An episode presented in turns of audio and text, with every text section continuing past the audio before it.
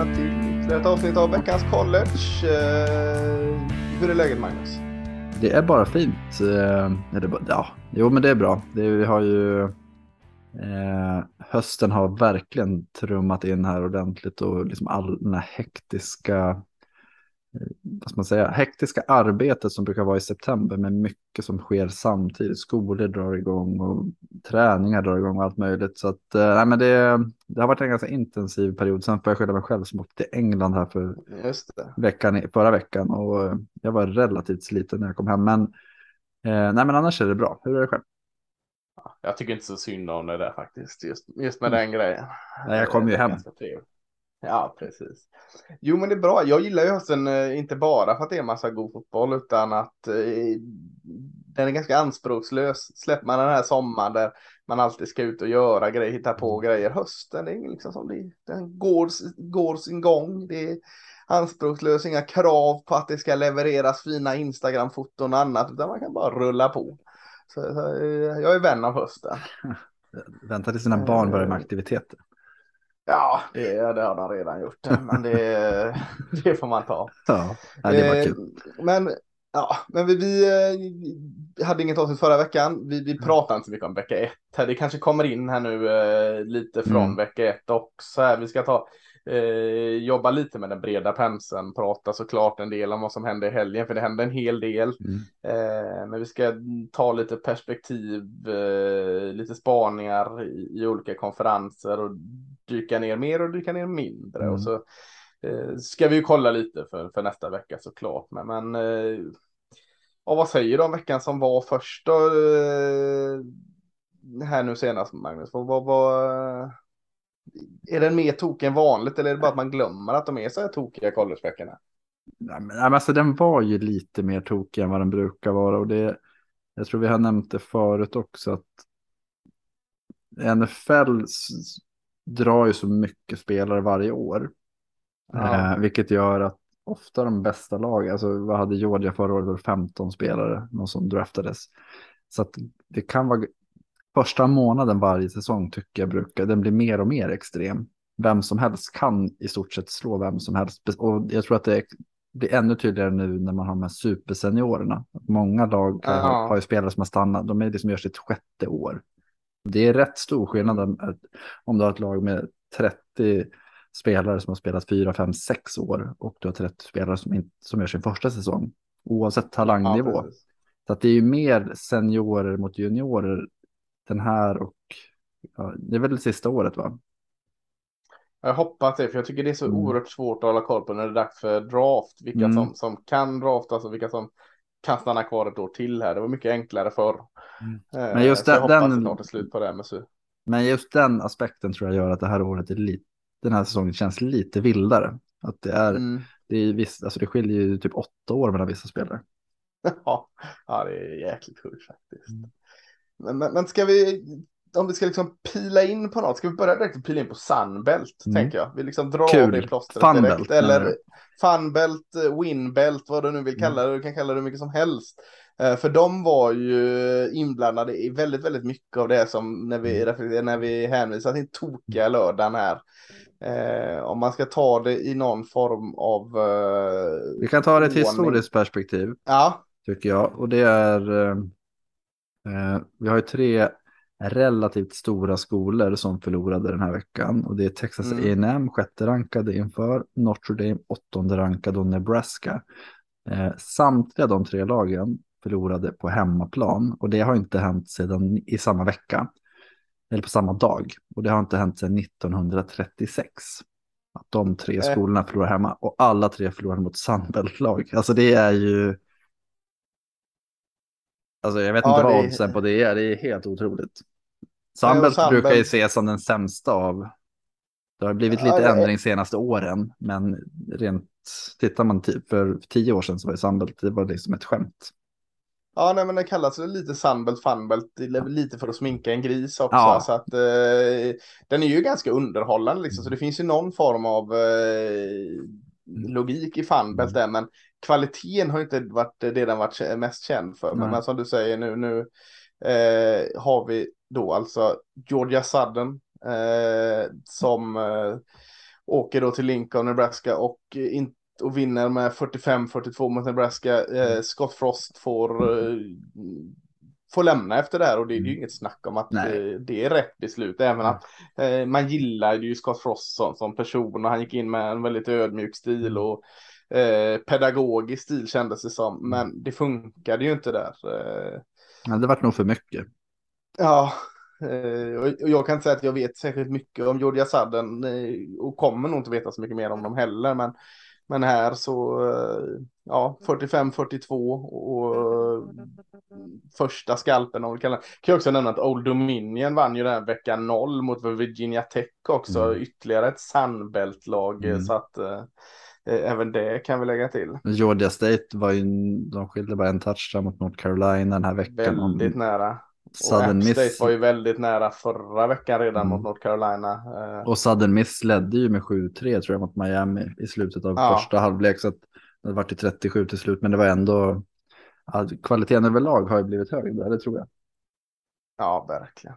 Men, men Georgia State, eller vad säger Georgia Southern vann mot Nebraska. Eh, App State då kan vi ju gå in på. Det. De eh, mm.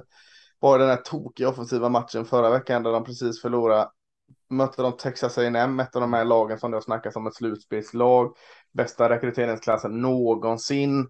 Eh, Jimbo Fisher med, med, allt mer pondus och självförtroende.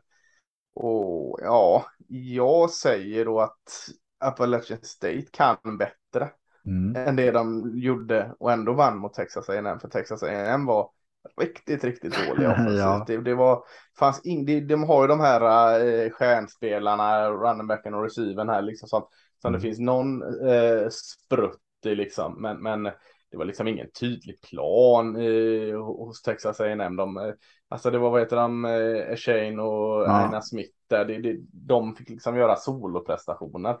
En special teams touchdown till exempel och och tittar Nej. man på, alltså jag, jag har för mig att någon, jag vet inte om jag sa, sa att de kommer underprestera, men vi pratar ändå om att Texas A&M känns lite överhypad utifrån att den mm. viktigaste mm. positionen är inte safe.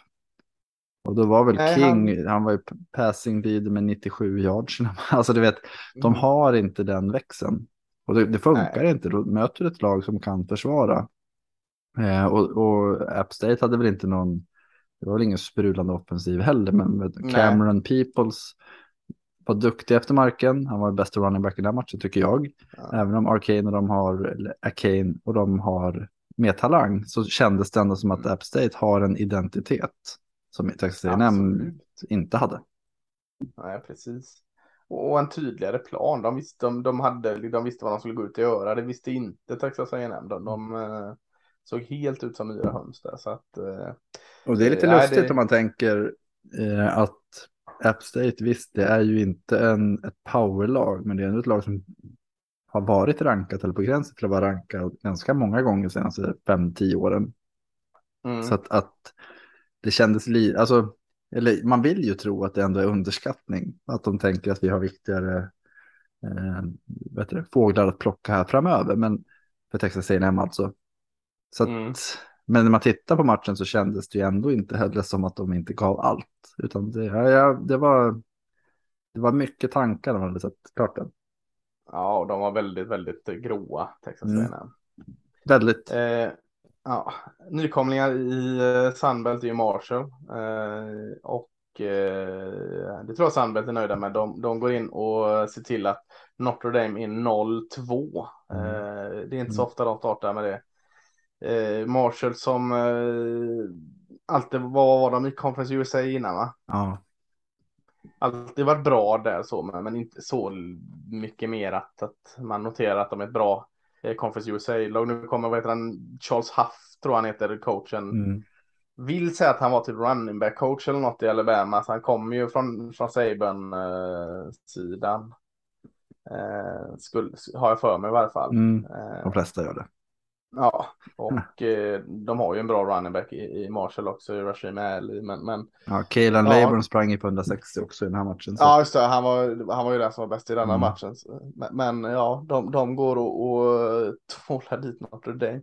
Jag har inte sett mer än ett par, par klipp från den matchen, mm. men eh, ja, det kändes ju som det var, de var värdiga den vinsten.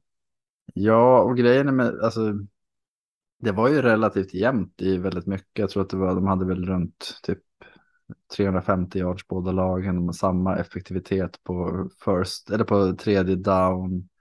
Eh, Notre Dame hade ett bättre passspel, men det var ju misstagen och det snackade vi om vi pratade om Notre Dame, att eh, QV-positionen, Buckner hade två interceptions, hade de en tredje också.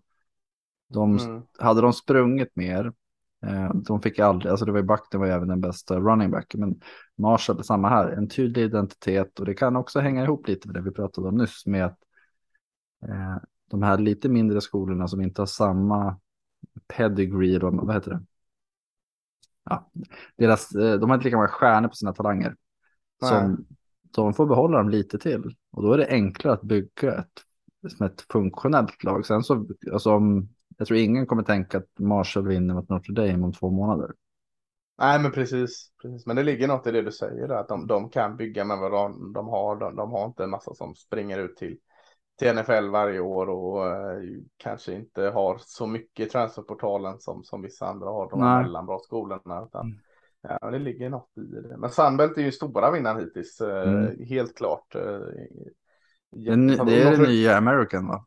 Ja, men det känns lite så. eh, absolut, nu när Cincinnati och Houston har dragit på sig varsin förlust där, så, mm. så får hoppet ligga hos Sandbelt här. Mm. Men, men intressant med Notre Dame också, som, som, då veckan innan där hade en tuff match mot Ohio State, där man då trodde kanske att förlusten skulle bli storare. Då höll de igen ganska bra, spelade bra försvarsspel, Ohio State såg inte så där jätteläskig ut offensivt. Tänkte man så här, ja fan Notre Dame kanske är längre fram om man tror. En knapp, knapp förlust mot Ohio State. Mm. Och så kommer detta liksom. Eh, mm. Ja. Eh, och tittar man i mer flödande idrotter, ta mm. liksom vanlig fotboll, hockey och sånt där, basket. Nej, basket kanske inte är. Men där, där kan man, alltså man tänker just om man jämför de två matcherna så tänker man liksom att amerikansk fotboll är ju inte en sport där du kan backa hem och kontra sönder motståndarna. Liksom, det är inte... Nej. Nej, men precis. Så det, är ett, det är ett anmärkningsvärt resultat tycker jag. Om man, speciellt när man har Ohio State-matchen i beaktning. Verkligen.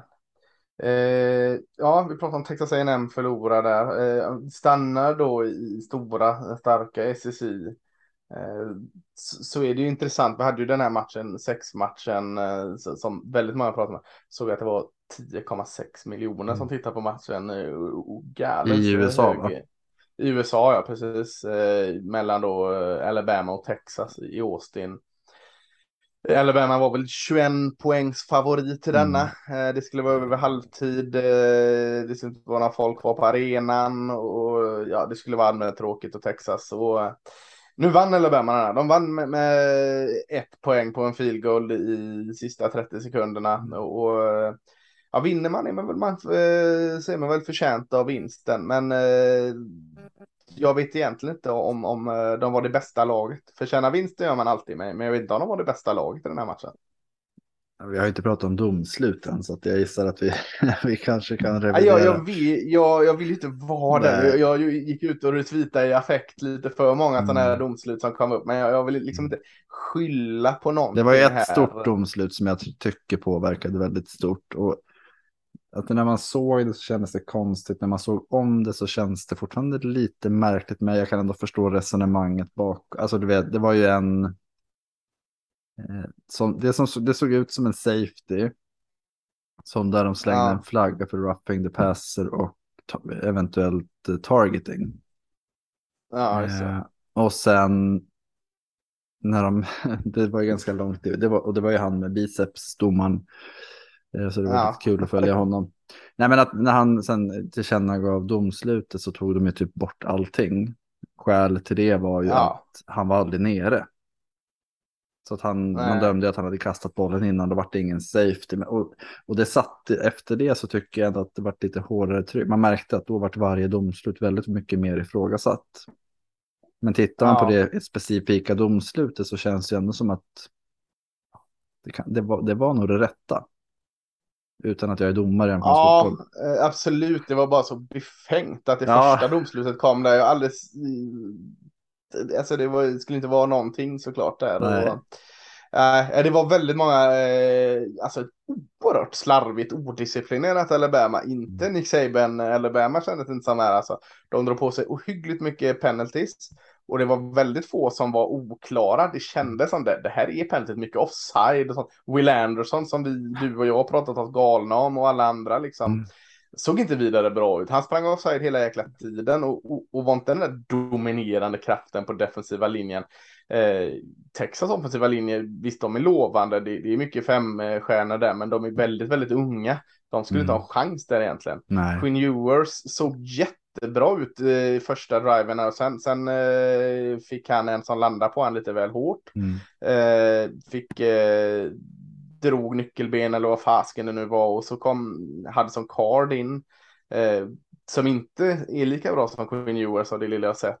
Men han gick också ganska snabbt ner sig och halta runt. Så att, alltså det var ett Texas med en halvt andra QB mer än halva mm. matchen. En jätteung offensiv linje. Eh, och Alabama hade enorma problem med detta. Så att eh, jag är mer överraskad hur svaga Alabama var än hur bra Texas var. Texas försvar var jättebra. Jag, jag kan inte minnas när jag såg Texas försvar så bra. Men det kanske var på bekostnad av att Alabama var bleka och odisciplinerade och såg lite tagna ut faktiskt. Det ser man väldigt sällan. Nej, nej men precis. Och det, det, vi snackade om det här på, i previewn att Alabama, de fyller, alltså de börjar ju inte om utan de fyller på. Eh, mm. Det här mm. kanske är typexemplet på en perfekt match att lära sig ifrån. Om talangnivån ja. finns. Men det är ju det som återstår att se. Att finns talangnivån så kommer Alabama vara ganska bra om några veckor. Eh, och mm. då kommer vi också förstå. Då kommer vi också kunna se att Texas är ju lustiga på den. Ur den aspekten att man tänker ofta att nu är de tillbaka. Så är de inte det. Nej, jag är superintresserad av att se vad händer med Texas kommande veckor. Kan de liksom spela dem på det här sättet utifrån att Alabama är ett bra lag? Då, kommer de med, då är de ju ett givet finallag i, i Big 12. Ja, jag tänkte, hade Quinn Ewers inte varit skadad efter den här matchen, då hade jag nog också varit på hypen. Mm. Men jag är inte jättefan. Det är, du är ju luttrad, det är ju det som är grejen. Ja, det är det, men jag går ju i den fällan ändå varje gång. Eh, jag satt och sa hemma, ja, ja, det är bara halvlek här nu, vänta liksom, eh, vänta, det här, det här kommer vi tappa, vi tappar alltid. Så eh, hoppas jag, man ändå lite för mycket. Ja, ja man och så sen, så här, och så sen går det till fjärde kvart, vänta, så jag, sen är det en minut kvar. Och då, då lurar jag mig själv, nej men nu tar vi fan det här. Vet mm. Så jag vet inte. Men jag var inte så liksom, slagen som jag varit efter vissa sådana här Red River Showdown. Alltså att jag, vi, vi ska var... kanske säga det att matchen slutade 2019 Alabamas favör. De som ja. inte sett eller kollat det. Texas hade en fin eh, 44 yards drive i slutskedet så att 1.29 så det är också kul. Burt Auburn, att, att deras kicker heter det. Ja, eh, Auburn kunde sänka Alabama, det ja, var, hade ju varit så fint. Man hade trott att han skulle gjort det. Han gjorde alltså 19, 17, 1.29 kvar. Men Alabama svarar ju. Ja. De har haft svårt att flytta bollen under matchen. Eh, ja. Men då lyckas de med det, 61 yards, sista driven på 1.19, 10 sekunder kvar så, så vinner Alabama med en spark. Så 2019 ja. slutar det. Sarkisian utcoachade sig med den här matchen, men mm. den som vann matchen för Alabama var ju Bryce Young. Han var lite trögstartad, han var mm. inte bra hela matchen. Mm. Men när det krävdes, då steppade han upp ordentligt. I andra halvlek var Bryce Young bra. Mm. Eh, Håller med. Jag lägger den på Bryce Young mer än Nick Saban. Jag tycker Sark hade jäkligt mycket fantasi i sin mm. offensiv framförallt. Mm. Så. Eh, ja, men stanna kvar i SSI kan vi göra då. Vi har ju sagt att A&M förlorade. Vi kan säga SSI West. Så LSU går ju knackigt, förlorade mot Florida State. Eh, Auburn kan vi nog inte vänta oss några stordåd av, även att de är 2-0 här. Då har du de två Mississippi-skolorna, Ole Miss och Miss State. Det känns lite vänta och se där va? Mm. Mm. Ja, men det gör det. Då? Mm. Eh, de har inte mött, eh, Mississippi State tycker jag väl har mött lite bättre motstånd. Båda är 2-0. Men det, man är ju väldigt nyfiken på att se vad... Det är år tre på två, två väldigt kontroversiella tränare överlag. Mm. Eh, och det sa vi också även i, i, när vi pratade om dem inför säsongen att ja, men, Kippin, han brukar ju gå åt, han brukar ju sjunka efter andra året och Leach, han brukar ju, det är då det brukar sätta sig så att det ska bli väldigt spännande att se vart de är. Men SEC West som division och inte riktigt att känna igen med tanke på eh, Auburn, LSU och Texas A&M's alltså, svagare okay. starter. Eller svagare Absolut. status. Precis. Eh, Arkansas är, är ju liksom också, det var inte allt för många år sedan de var eh, SSC West eh, Vanderbilt typ. Mm. Mm. Och innan det var det, var det ett gäng år innan som de var så här bra igen. Så det är ju sånt pendellag här. Men de, vecka ett eh, gjorde de ett bra jobb mot Cincinnati, ett rankat Cincinnati. Eh, här senast nu gör de en, en riktigt fin eh, match mot South Carolina. Mm. Jag tycker South Carolina är lite underskattade. Eh, Både Spencer och. Rattler, Spencer Rattler är en QB som inte har den skönaste personligheten, men tyckte han gjorde en bra match ändå efter förutsättningarna mot Arkansas. Men, så jag tycker Arkansas är väl de liksom som håller upp, ja, Alabama är ju 2-0, de är stora och starka, men Arkansas är på något sätt det laget som, som bär lite SEC West här nu, tillsammans då möjligtvis med Alabama efter en mm. svag insats. Jag, jag tänker så här, det är två, två saker. Det ena är Spencer Rattler, han, han, var, han var inte bra i första halvlek, alltså när matchen väl betydde någonting, tycker jag. Nej, utan han, men andra sen, var fin. Andra var helt okej. Okay. Alltså andra så började han spela till. Men då fann, alltså han fick ju mer ytor och det ja. märks att det var inte samma vikt vid varje spel så att säga. Men sen det kanske är, eh, ja, jag låter det vara osagt. Framtiden får utvisa om han mm. kommer in i det. Men när man tittar idag så tror jag faktiskt att Arkansas, eh, skulle de möta Alabama tio gånger så skulle de vinna fyra. Ja, Utifrån det, det jag har sett. Ja, nej, men så det, och det är lite det där att de är ju väldigt, väldigt bra på rätt saker. Jag tycker, alltså de har ju en linebackergrupp med Bumper Pool och Drew Sanders som sticker ut. Väldigt, väldigt ja. bra båda två. Playmakers, stabila, duktiga mot spring, kan attackera. Eh, sen har de ju, alltså de roterade ju running backs hej friskt. Ja, båda typ, fina. Ja, men de hade väl typ fyra eller fem som körde, men Raheem Sanders ja. började ju varje halvlek och sprang sönder. Ja. Och sen KJ Jefferson som QB, storstark. Ja, det... Och jag läste någonstans att det är den tyngsta QB-RB-duon på typ 12 år eller sånt där i collegefotbollen. Det gillar man ju. Det, det, och det rimmar ju så fint med Sam Pittman tränande. Precis. Och, och de har en otroligt härlig variation med springa utsida, alltså sträcka ut laget och sen attackera på insidan.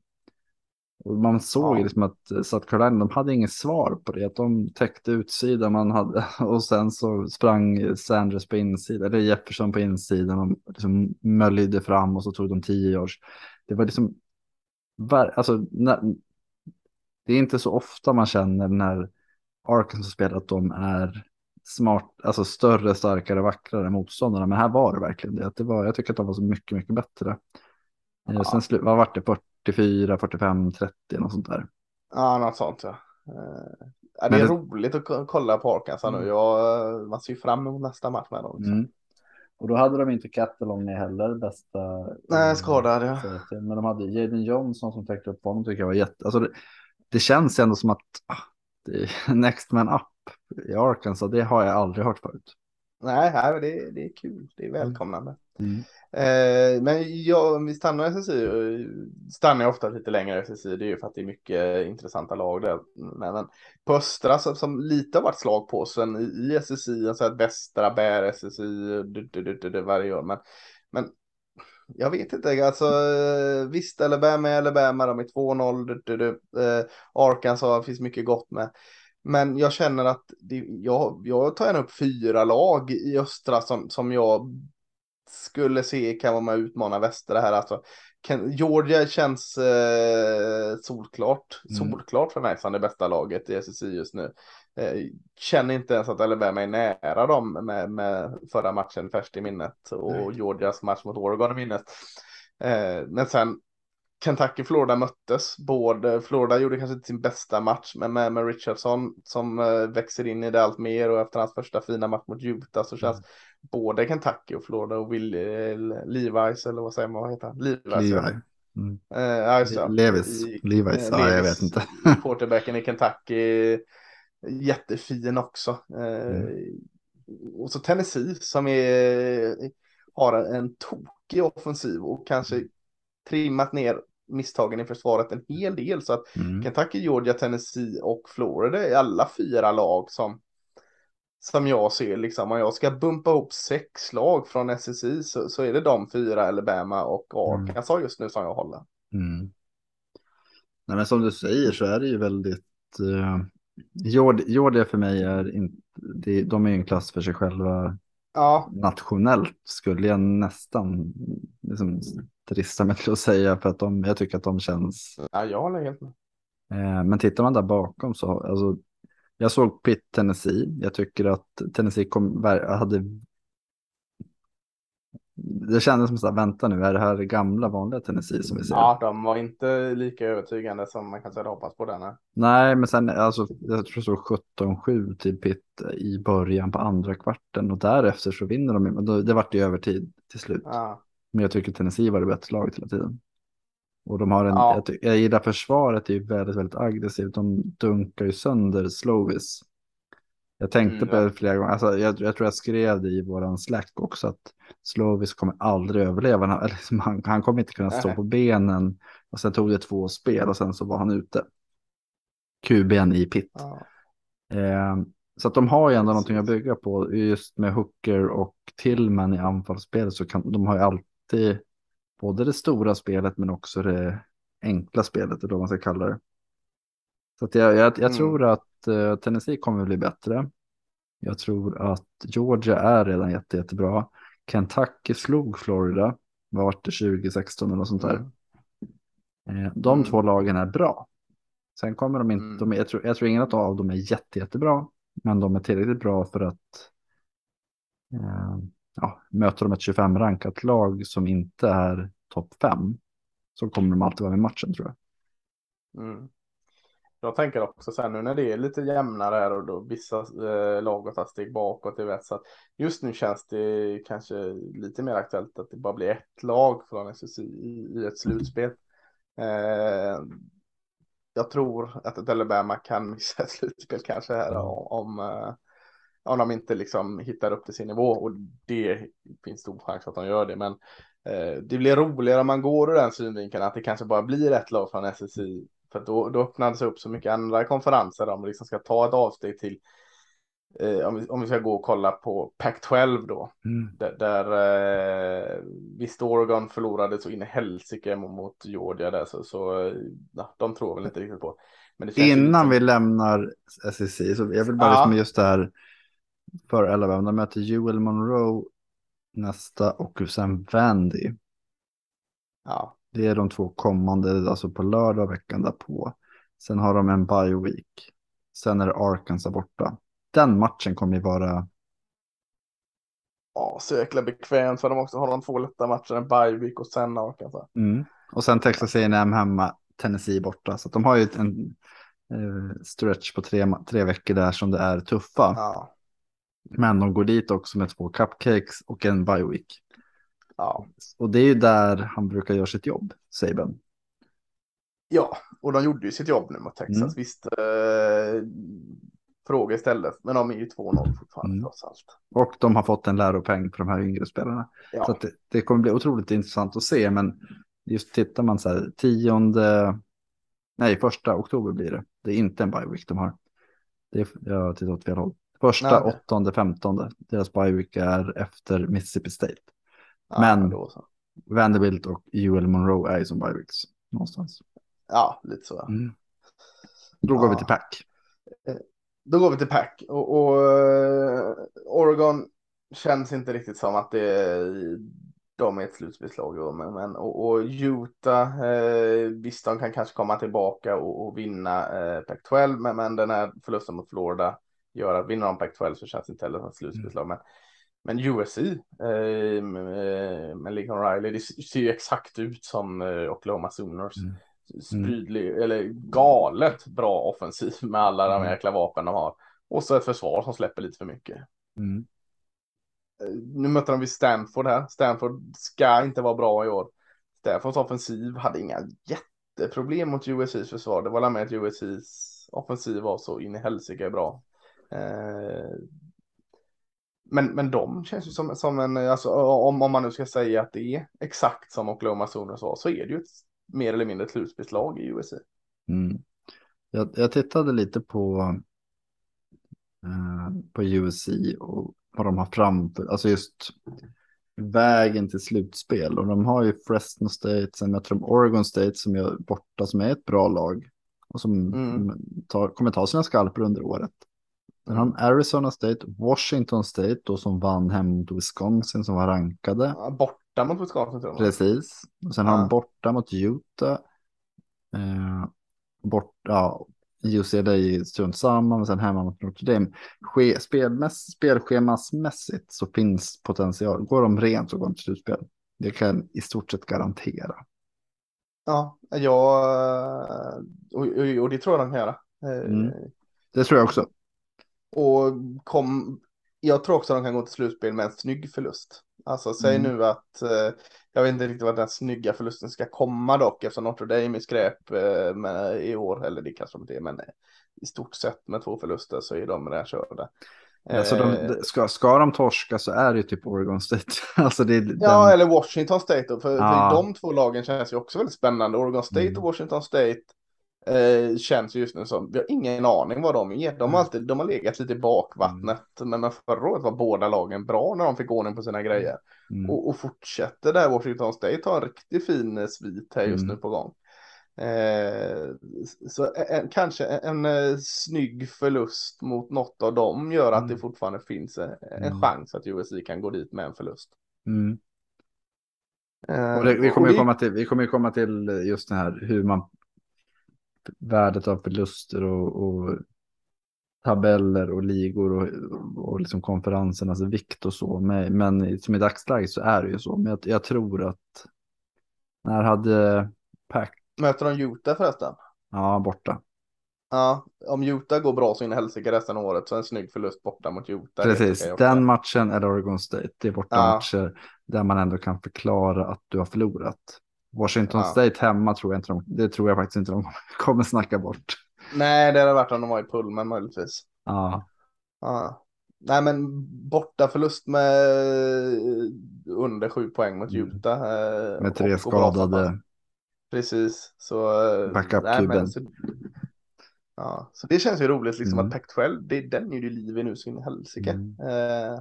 Och det räcker ju att, det räcker ju att USC har ett bra år nu kommer de här lagen, alltså, pack, eller skitsamma, Pac-12 kommer ändå splittras ganska snart. Mm. Men just, uh, li, alltså, när var det McCaffrey och Bryce Love-åren? Det är fem, sex år sedan. Då var ju också Pac-12, man hade ju ändå den här att man satt uppe tre timmar eh, längre på en lördag för att se Pac-12 för att man ja, visste att det var viktiga matcher.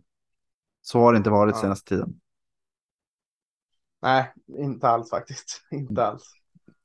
Eh, om vi tar Pac-12 så kan vi ta den som eh, känns naturliga hoppet då och gå till Big 12. Mm. Eh, Texas då som vi pratat om har ju fortfarande allt egna ändar. Den här förlusten gör ju inte så mycket ur en, ur en liksom konferens, om man sätter på sig konferens chanserna som den var utanför konferens. Mm. Så att eh, Texas har absolut chansen fortfarande. Mm. Men jag tänker, jag såg Kansas State, visserligen mot Missouri. Men eh, jäklar vad bra Kansas State såg ut alltså. Mm. Eh, eh oerhört roligt att kolla på. Så Kansas mm. State, hur bra är de? Vad, står eh, Oklahoma-lagen? Båda, alltså, båda lag, Oklahoma har ju bara mött skit än så länge så det är svårt att säga. Mm. Men de har ju sett ganska bra ut när de har, alltså i alla fall hyfsat försvarsmässigt som man inte liksom är van vid Oklahoma. Men, men med Brett Venable så fått lite ordning på det där kanske. Mm. Och Oklahoma State har inte kanske sett 100% ut, men de har ju vunnit uh, matcherna. Så. Mm. Och Baylor som går och förlorar då mot BYU är ett bra BYU i och för sig. Så att Utan sina den... två toppreceivers, BYU alltså. Ja, men precis. Var det en Romney och någon till där. Det är alltid någon mm. Romney som är, som mm. är receiver där. Men, men och Iowa State då som, som vinner eh, Iowa eh, derbyt där äntligen. Så att den är också jäkligt spännande uppe Mm. i luften, Big 12. Och det är absolut inte uteslutet att vi kan få ett slutspelslag från, från Big 12 heller, tänker jag. Det är sju av tio lag i Big 12 är eh, obesegrade. Eller blir 2-0. vet, du, vet du vilka som leder? Ja, det är Kansas då kanske. Jajamän, Ja, det är väldigt kul. Ja. På De vågar säga att de är inget slutspelslag. Nej. Fast skulle de vinna typ tre, fyra matcher till så är det ju näst på gränsen till att man tänker så här, men fan vi, vi ger dem en, ni får fjärde spotten nu. Ja, det är de värda. Ja, Nej, så- så men, Big eh, 12 Men, men jag tänkte att Big 12 är ju konceptet de har anammat är, gör ju att det blir jäkligt intressant. Väldigt länge också dessutom. Mm. Eh, istället för att ja, men, har du två divisioner så blir det helt plötsligt, alltså mycket det här vem slår vem faller bort. Mm. För Mm. att man möter inte alla. Nej, precis. 12 så är det ju verkligen varje match är så otroligt viktigt för att ja, men, Oklahoma slog TCU, därför måste vi också slå dem för annars kommer de ha en om vi hamnar lika. Så det, just den där den aspekten blir tuff. Och jag tror som, som du sa, Ja. Texas, det spelar ingen roll att de har förlorat, de har spelat noll konferensmatcher.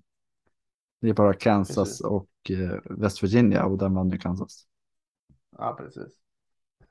Eh, Ja, och, och eh, jag tänker vi sparar Big Ten till sist ut. Men, Mm. men om vi, tar ACC här som Clemson såg ju allt annat än bra ut sin första match där Mm. mot Georgia Tech.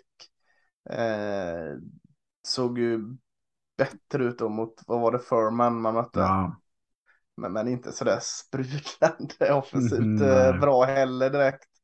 Eh, så var står Clemson och, och NC State kom undan med blotta förskräckelsen där första veckan mot East Carolina. Är de också ett Sunbelt-lag eller? Nej, Nej. de är. American va? Ja, nej, ja, East Coast- ja, precis. Eh, ja, de kom undan med blotta förskräckelsen där. Eh, så det är ju två lag då, tänkta topplag som det finns en del frågetecken kring. Mm. Miami, är, är, är, det, är det deras år i år, Miami? Det, jag, tr- Eh, ja, jag, jag tror att det är lite tidigt. Jag tror talangnivån är för låg faktiskt i Miami.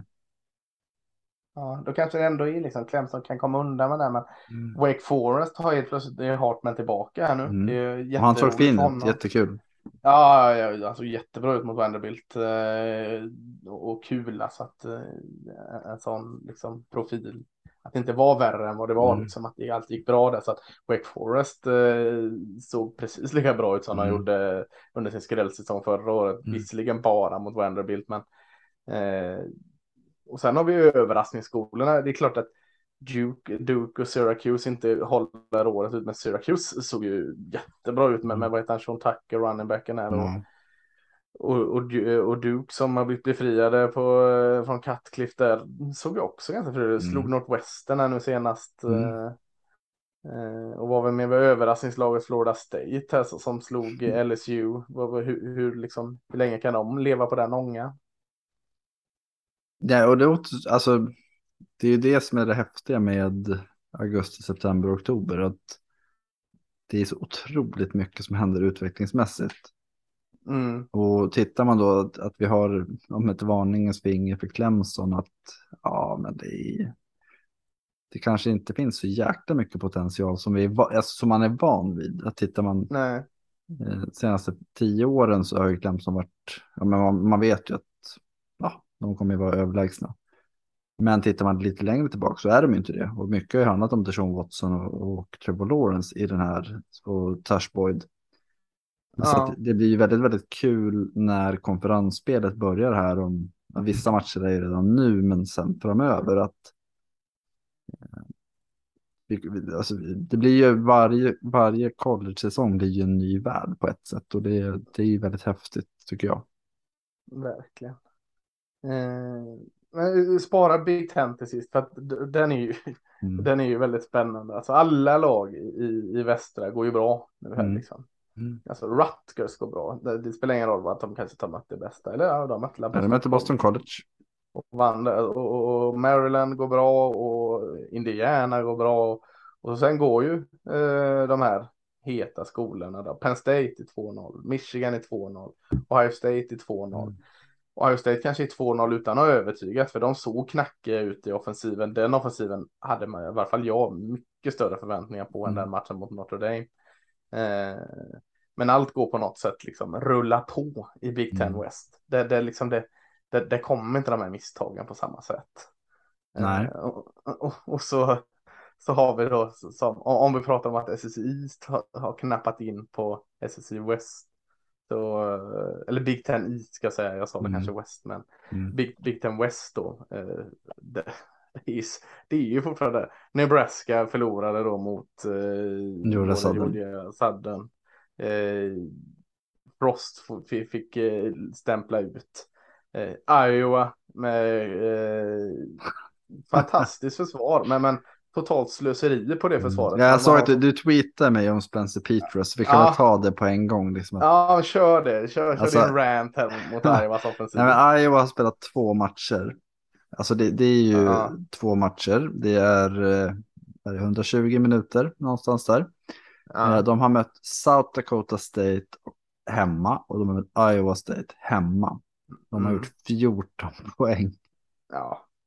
Och de har ett försvar som tar det är turnovers, det är bra feed på Alltså det är som... Ja, det är ett av de bättre försvaren i landet. Ja, liksom. det är helt sjukt. Alltså Aha. de ska ge 14 poäng per kvart. Aha. Men nej, det är... Nej, det... Iowa, de... Det, det är faktiskt den sjukaste staten. De snittar sju poäng per match efter två matcher. Ja, jag fattar inte alltså, hur det kan vara sån fördelning i bra försvar kontra bra offensiv. Man måste kunna, kunna rekrytera och, och, och både coacher och eh, spelare som liksom kan bidra på den sidan mm. också. Eh, alltså Brian Ferrants eh, är väl Kirk Ferrants son som är offensiv koordinator mm. så det är en jävla svågerpolitik. No, alltså, nepotism. Ja, nu, nu har Kirk Ferrants varit där i 23 år eller om det är 24 år eller hur länge det är ja, han, han har gjort det bra, för, absolut. Men, men fan, nu är det dags för han att gå därifrån. Ta bort alltså, Ferrens namnet från Iowa. Ja, det enda han har visat, han kan blockande tight ends. Eh, som sen lär sig att fånga bollen i NFL och sen är det försvar. Han har ju inget Ja, annat. och så brottare som man sätter in på offensiva ja. linjen. Ja, Nej, men alltså det, det, det, är ju... Vi, vi, jag och Lasse pratade om det här inför inspelningen. Att om man skulle på något med någon så här dataanalys kunna få fram hur bra hade de kunnat varit med en bra offensiv coach med det här försvaret. Ja. Då hade ju Iowa varit i slutspel typ tre gånger. Ja, absolut. Eh, absolut. Så, så bra har försvaret varit. Ja, men försvaret det, det har varit så bra det är provocerande. Final. Ja, försvaret har ju varit så bra att det här skräpoffensiven har ju fan gått i final var och varannat år i, eh, i konferensen. Mm. Eh, Ja, de har ju alltså gjort 14 poäng på två matcher. Näst, det lag i Big Ten som har gjort näst minst poäng har gjort 52 på två matcher. Ja, det... Alltså det, det, är, det är så dåligt att det, det liknar ingenting. Då har man ju inte ett anfall. Nej. Nej. Nej, det är bedrövligt faktiskt. Det är, det är retsamt att det försvaret inte har någon jäkla hjälp alls. Och att Spencer Petras gör sitt typ fjärde år som stad. Alltså det, ja, ja. det han är inte ny heller. Han måste vara jävligt bra på träning alltså. Ja, eller på något annat. Ja, ja nej det är och, och alltså ja, Nebraska då, Iowa, och så Wisconsin då som, som ska liksom bära den divisionen tänker man. Nej, då, då förlorar de hemma mot Washington mm. State. Mm. Såg inte heller bra ut offensivt. Nej. Jag antar att det är laget som har näst, eh, eller näst sämst poängskörd offensivt. För de såg inte heller bra ut offensivt. De har 52 ja. Ja, de har det. Ja. Eh, mm. Så där är det också ett frågetecken. Visst, nu var det en förlust utanför konferens och de kan säkert hämta igen. Men känns ju inte som att liksom, de heller är på rätt väg offensivt. Nej, nej, alltså det är Alltså om vi pratar om Sunbelt och SEC East som positiva överraskningar så Big Ten West. Det är sorgebarn på ett sätt. Ja.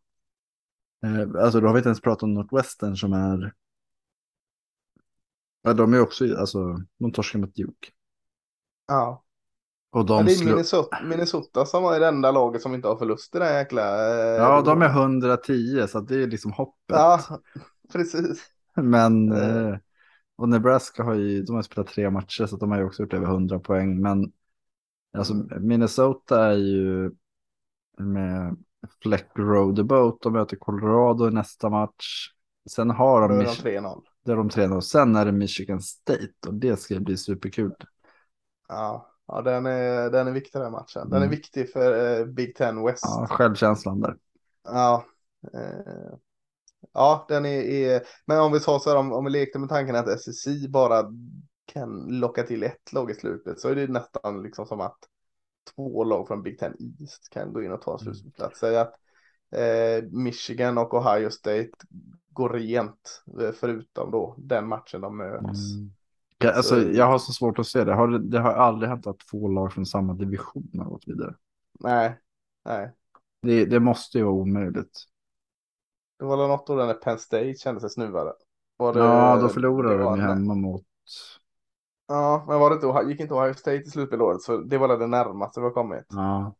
Ja, båda borde... Ja. Ja, de, ja, det- vi, vi, visst, de gick ju till... Visst var det då Penn State gick till eh, final? I, Ja, så kanske det var. och sen torskade de i finalen och Ohio State.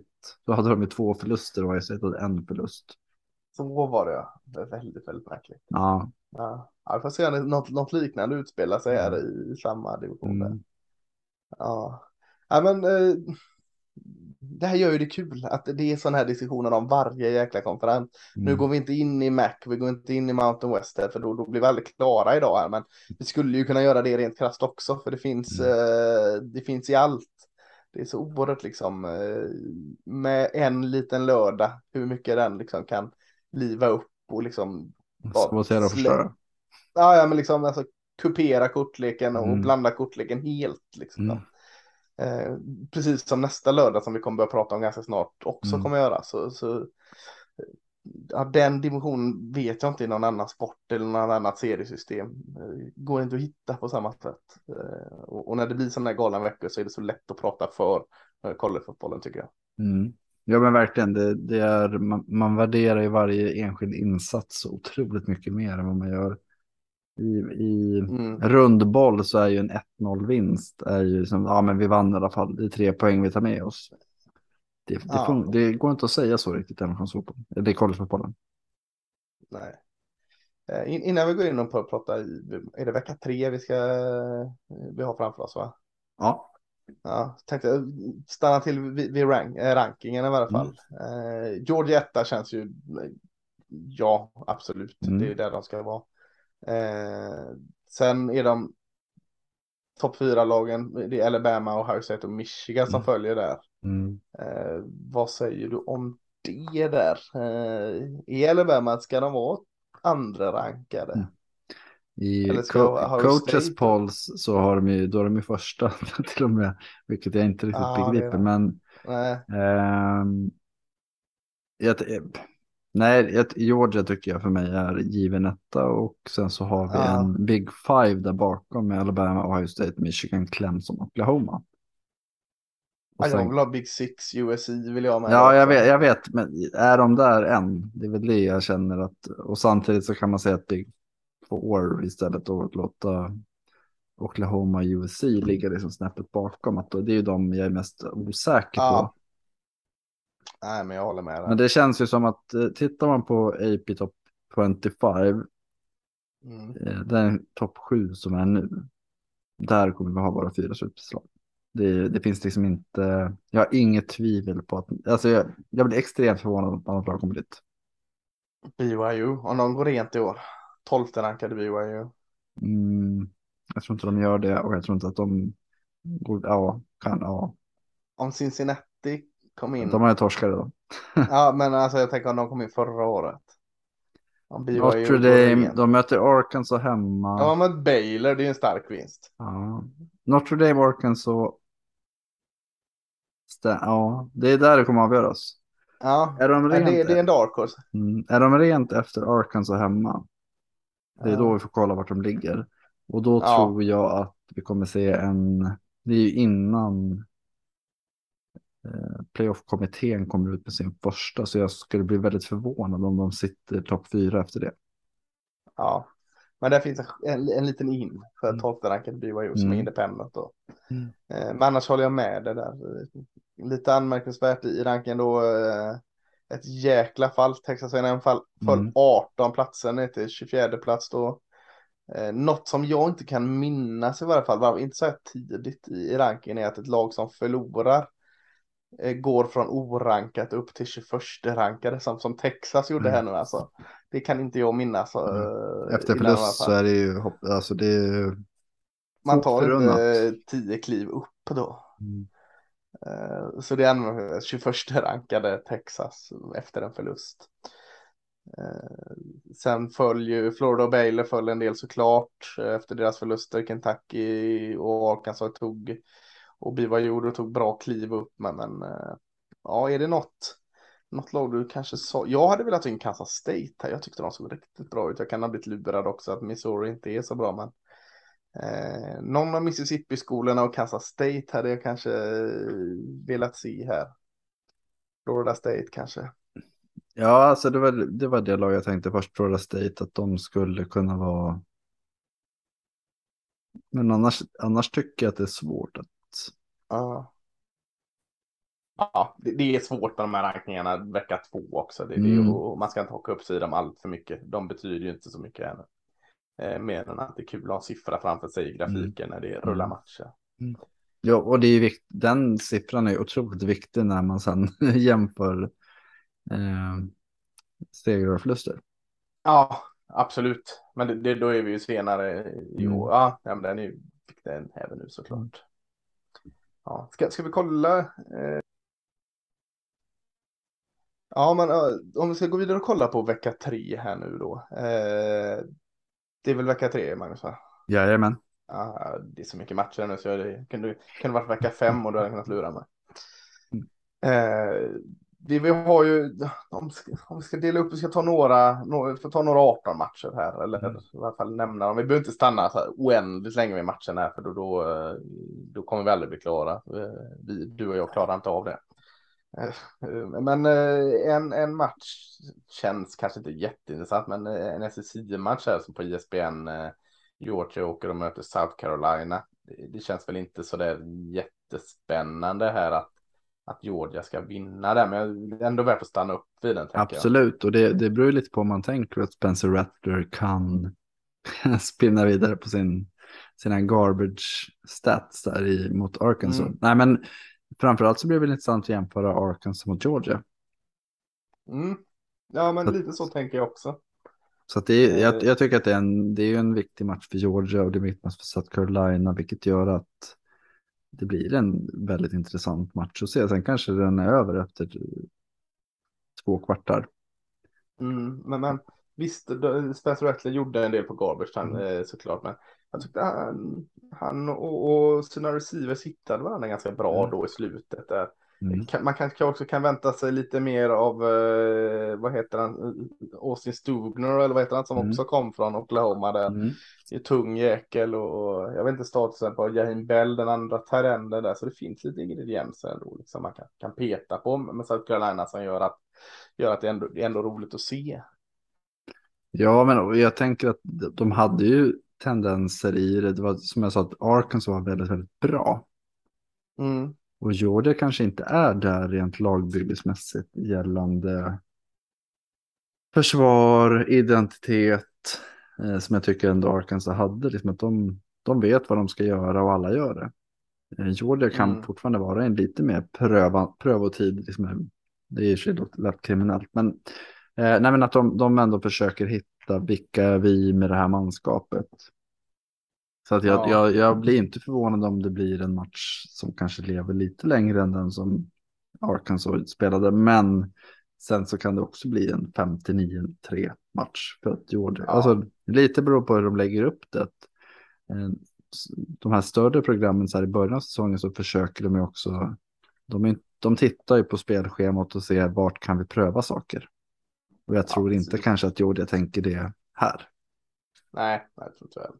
Sen tycker jag det skulle vara kul också att se, eh, lite hur offensiven och Stetson Bennett, om de kan fortsätta klicka. För jag, jag, är, jag är väldigt överraskad hur, alltså att han har satt så väldigt bra Mm. ut hittills, Stetson Bennett. Eh, Innan har det varit lite liksom att de vinner med, med Stetson Bennett. Nu, nu är det nästan så att han bär det offensiven här. Så att, eh, Ja, nästan.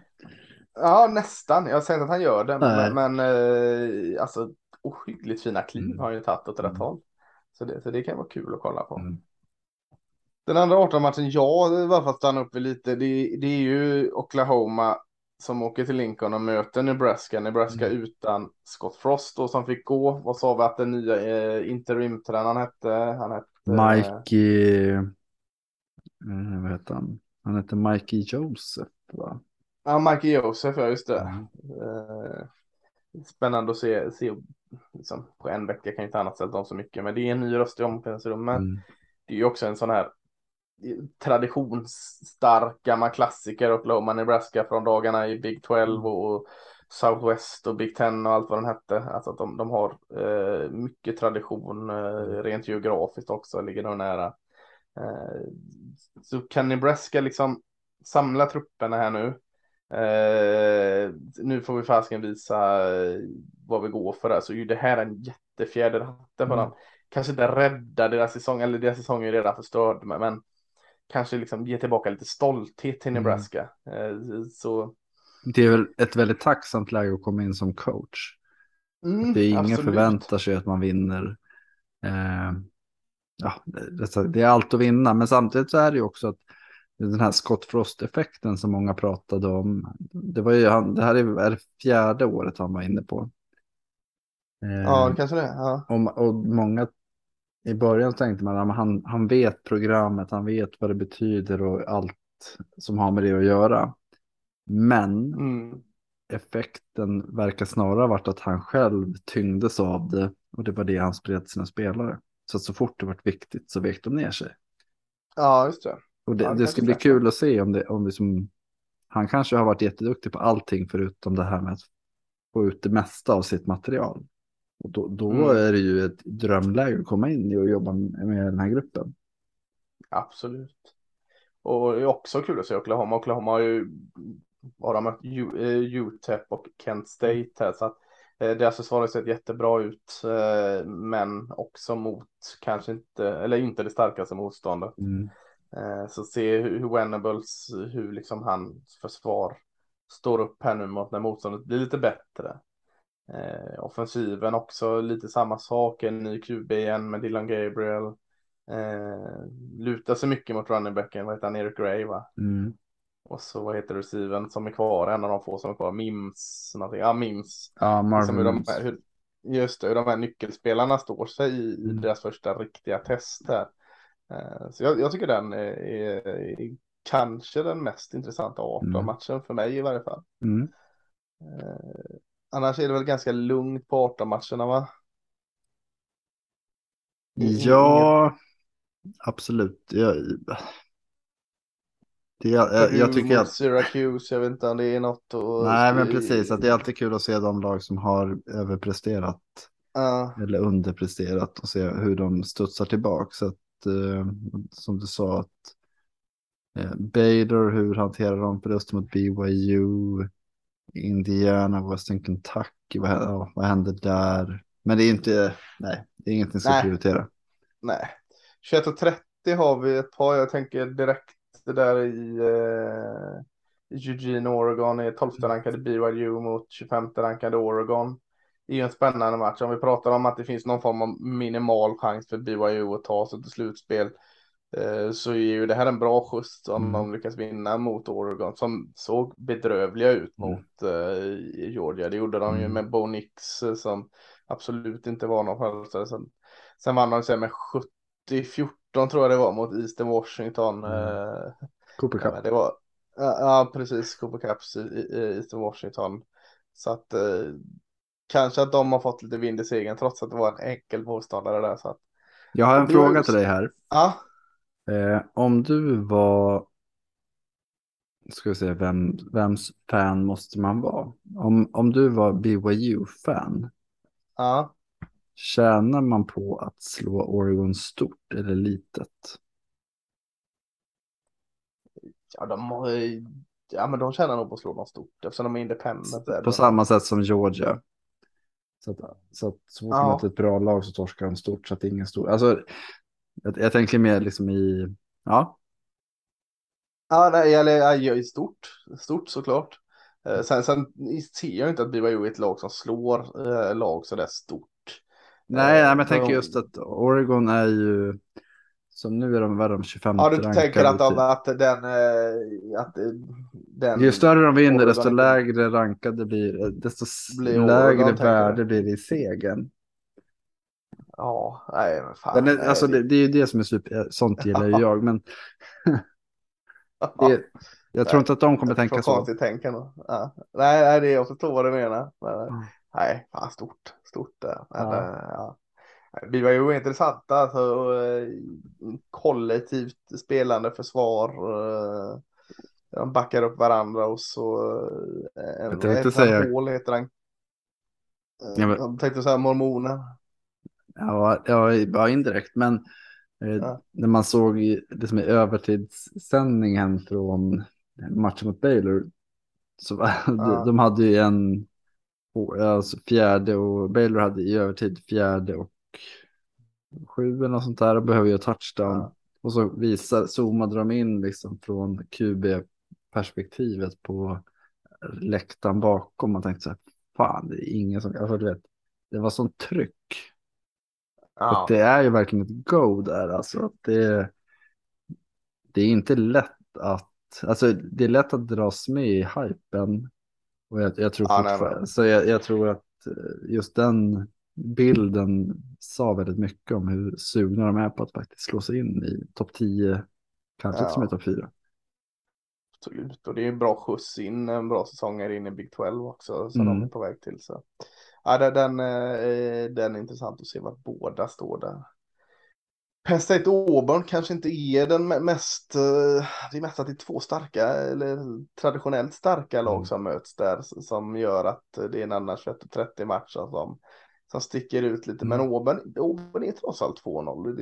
Mm, båda. Ger det. Ja, Penn State är också 2-0, men eh, Penn State har inte heller sett sådär jättevassa ut. Alltså Clifford uh, har gjort det okej, okay, liksom. men, men uh, försvaret har inte sådär. Mm.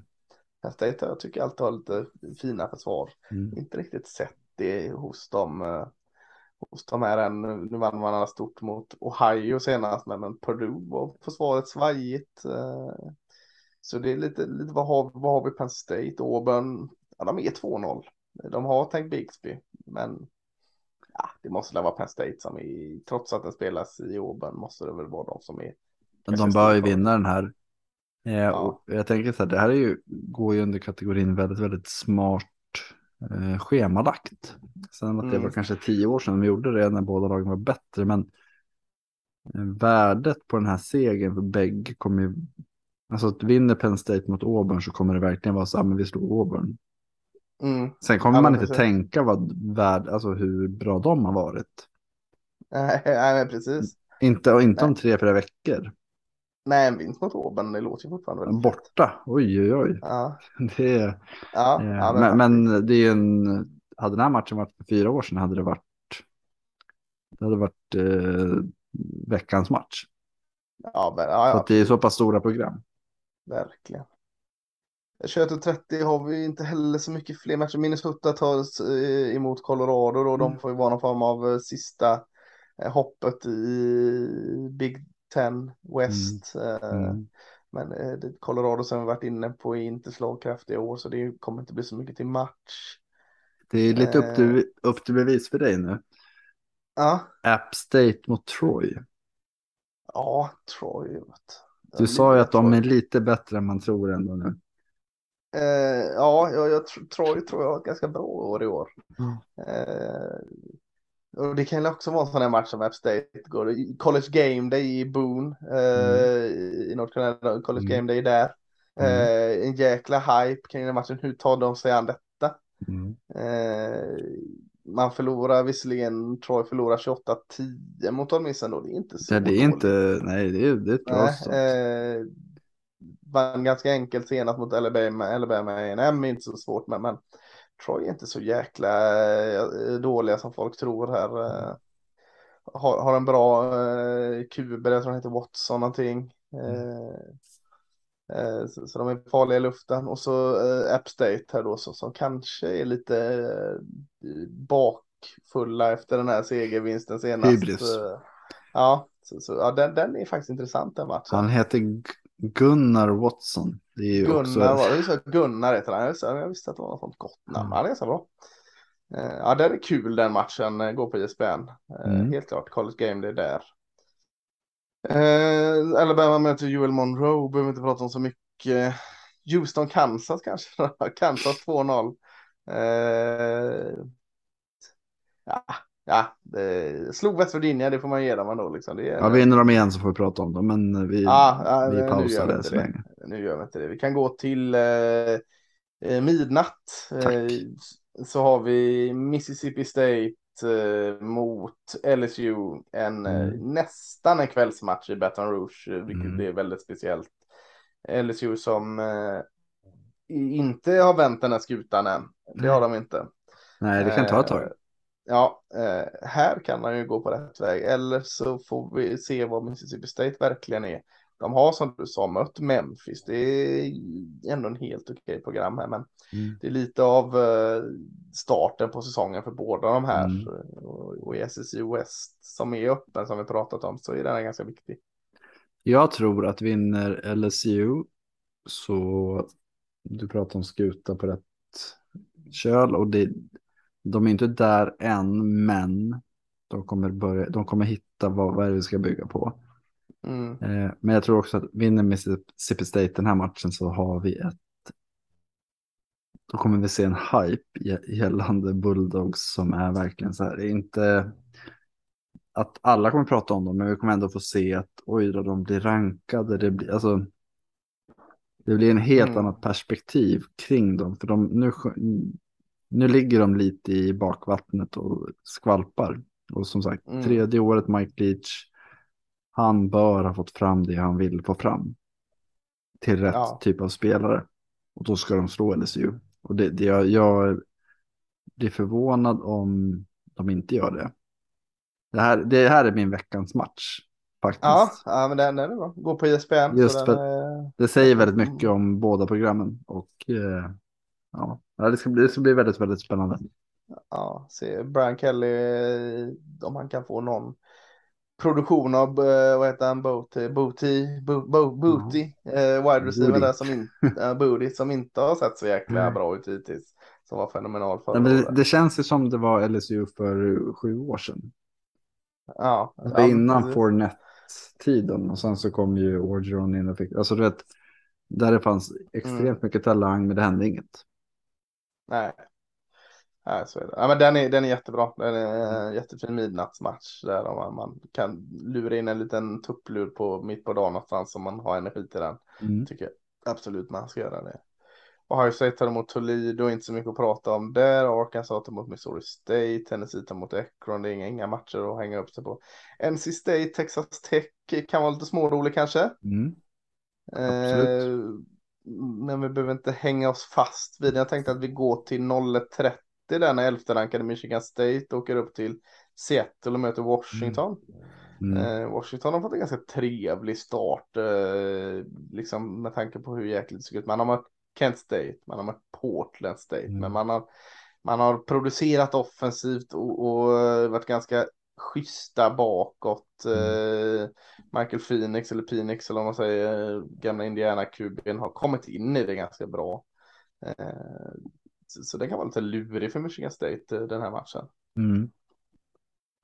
Det är också en sån här identitetsmatch, eh, alltså lite som Mississippi State mot LSU. Så det är samma, samma feeling kring det. Förloraren, de har ju ett dåligt år. Mm. Ja, Medan vinnaren har ju en så här, fan nu kör vi. Ja. Hur många och... poäng tror du Iowa sätter upp eh, hemma mot Nevada? Över Nej. under 20? Oj. Spontant så tänkte jag säga under, men jag måste ändå kolla lite på. De är 90 procentiga favoriter och, och favoriter med 23 poäng. ja.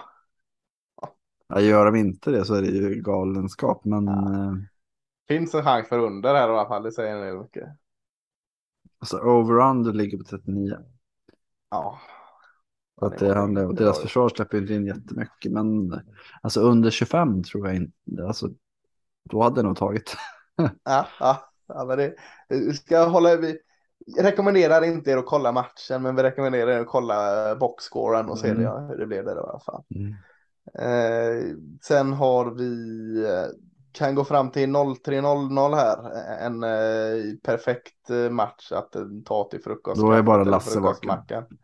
Ja, eh, återstår att se här. Jag har haft övertro på mig själv för många gånger. Men 0-0 på ISBN är det i alla fall en väldigt, väldigt bra match eh, i College Station. 13 rankade Miami mot eh, 24 rankade Texas A&M.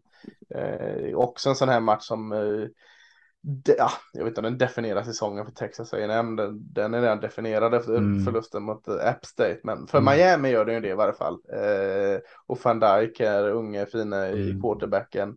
Så är det ju en jättematch för dem. Liksom. Mm. Visst, nu hade det inte varit lika mycket fjäder i hatten som det hade varit om eh, Texas A&M gjorde sitt jobb senast.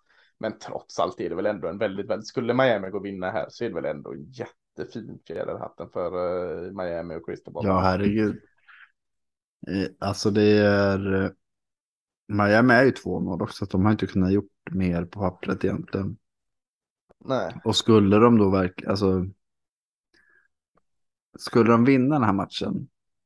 Så är det, Texas är, A&M är ju 24 rankade. Det är SEC, alltså det, det är väldigt mm, få saker. Som man kan liksom så här. Det är inte liksom att eh, Duke är 25 rankade. De, nej det men precis. det är ett SSC West-lag, de är rankade trots en förlust. Alltså det är, det är ett bra lag de möter. Det, det, finns liksom Ja. ingenting, att- det finns ingenting att snacka bort. Det jag, sen vet jag inte om Miami är där, men jag, jag, jag tror fortfarande att Miamis anfall har eh, högre kapacitet än vad Ja, men, men Texas ja, har. Ja, det, det, det tror jag också. Och, eh, vi pratade, jag tror vi pratade om det i något avsnitt, jag vet inte när det var, men, men att eh, vad hette han, Brad Kaya, hette han Mm. så? Japp. Eh, gamla Miami quarterbacken här, som det var the next thing, liksom när Brad Kaya Mm. kom där, då, då skulle vi ha eh, vår nya liksom eh, årtiondets QB här nu.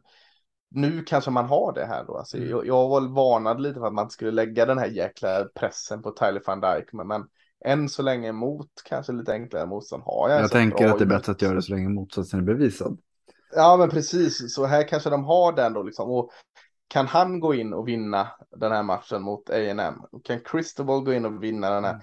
Är det jäkla mycket god medvind för Hurricanes. Eh, De är väl också lite som Texas, Miami Hurricanes. De är inte Mm. alltid lika bra på att hantera den här medvinden. Och är det liksom, det sveper iväg och det är allting är liksom i glitter och glamour där nere i, i, eh, Miami. Men ja, en bra skjuts hade den här eh, vinsten varit absolut. Men ska vi, leker vi med tanken att de vinner den här. Ja, Sen möter de Middle Tennessee hemma. North Carolina som ju är på pappret en tuff match. Men vi har ju Ja, pratat om hemma, att de va? inte är det. Precis hemma. Sen Virginia Tech borta. Duke hemma. Alltså, alltså, Duke hemma. Virginia borta. Florida State hemma.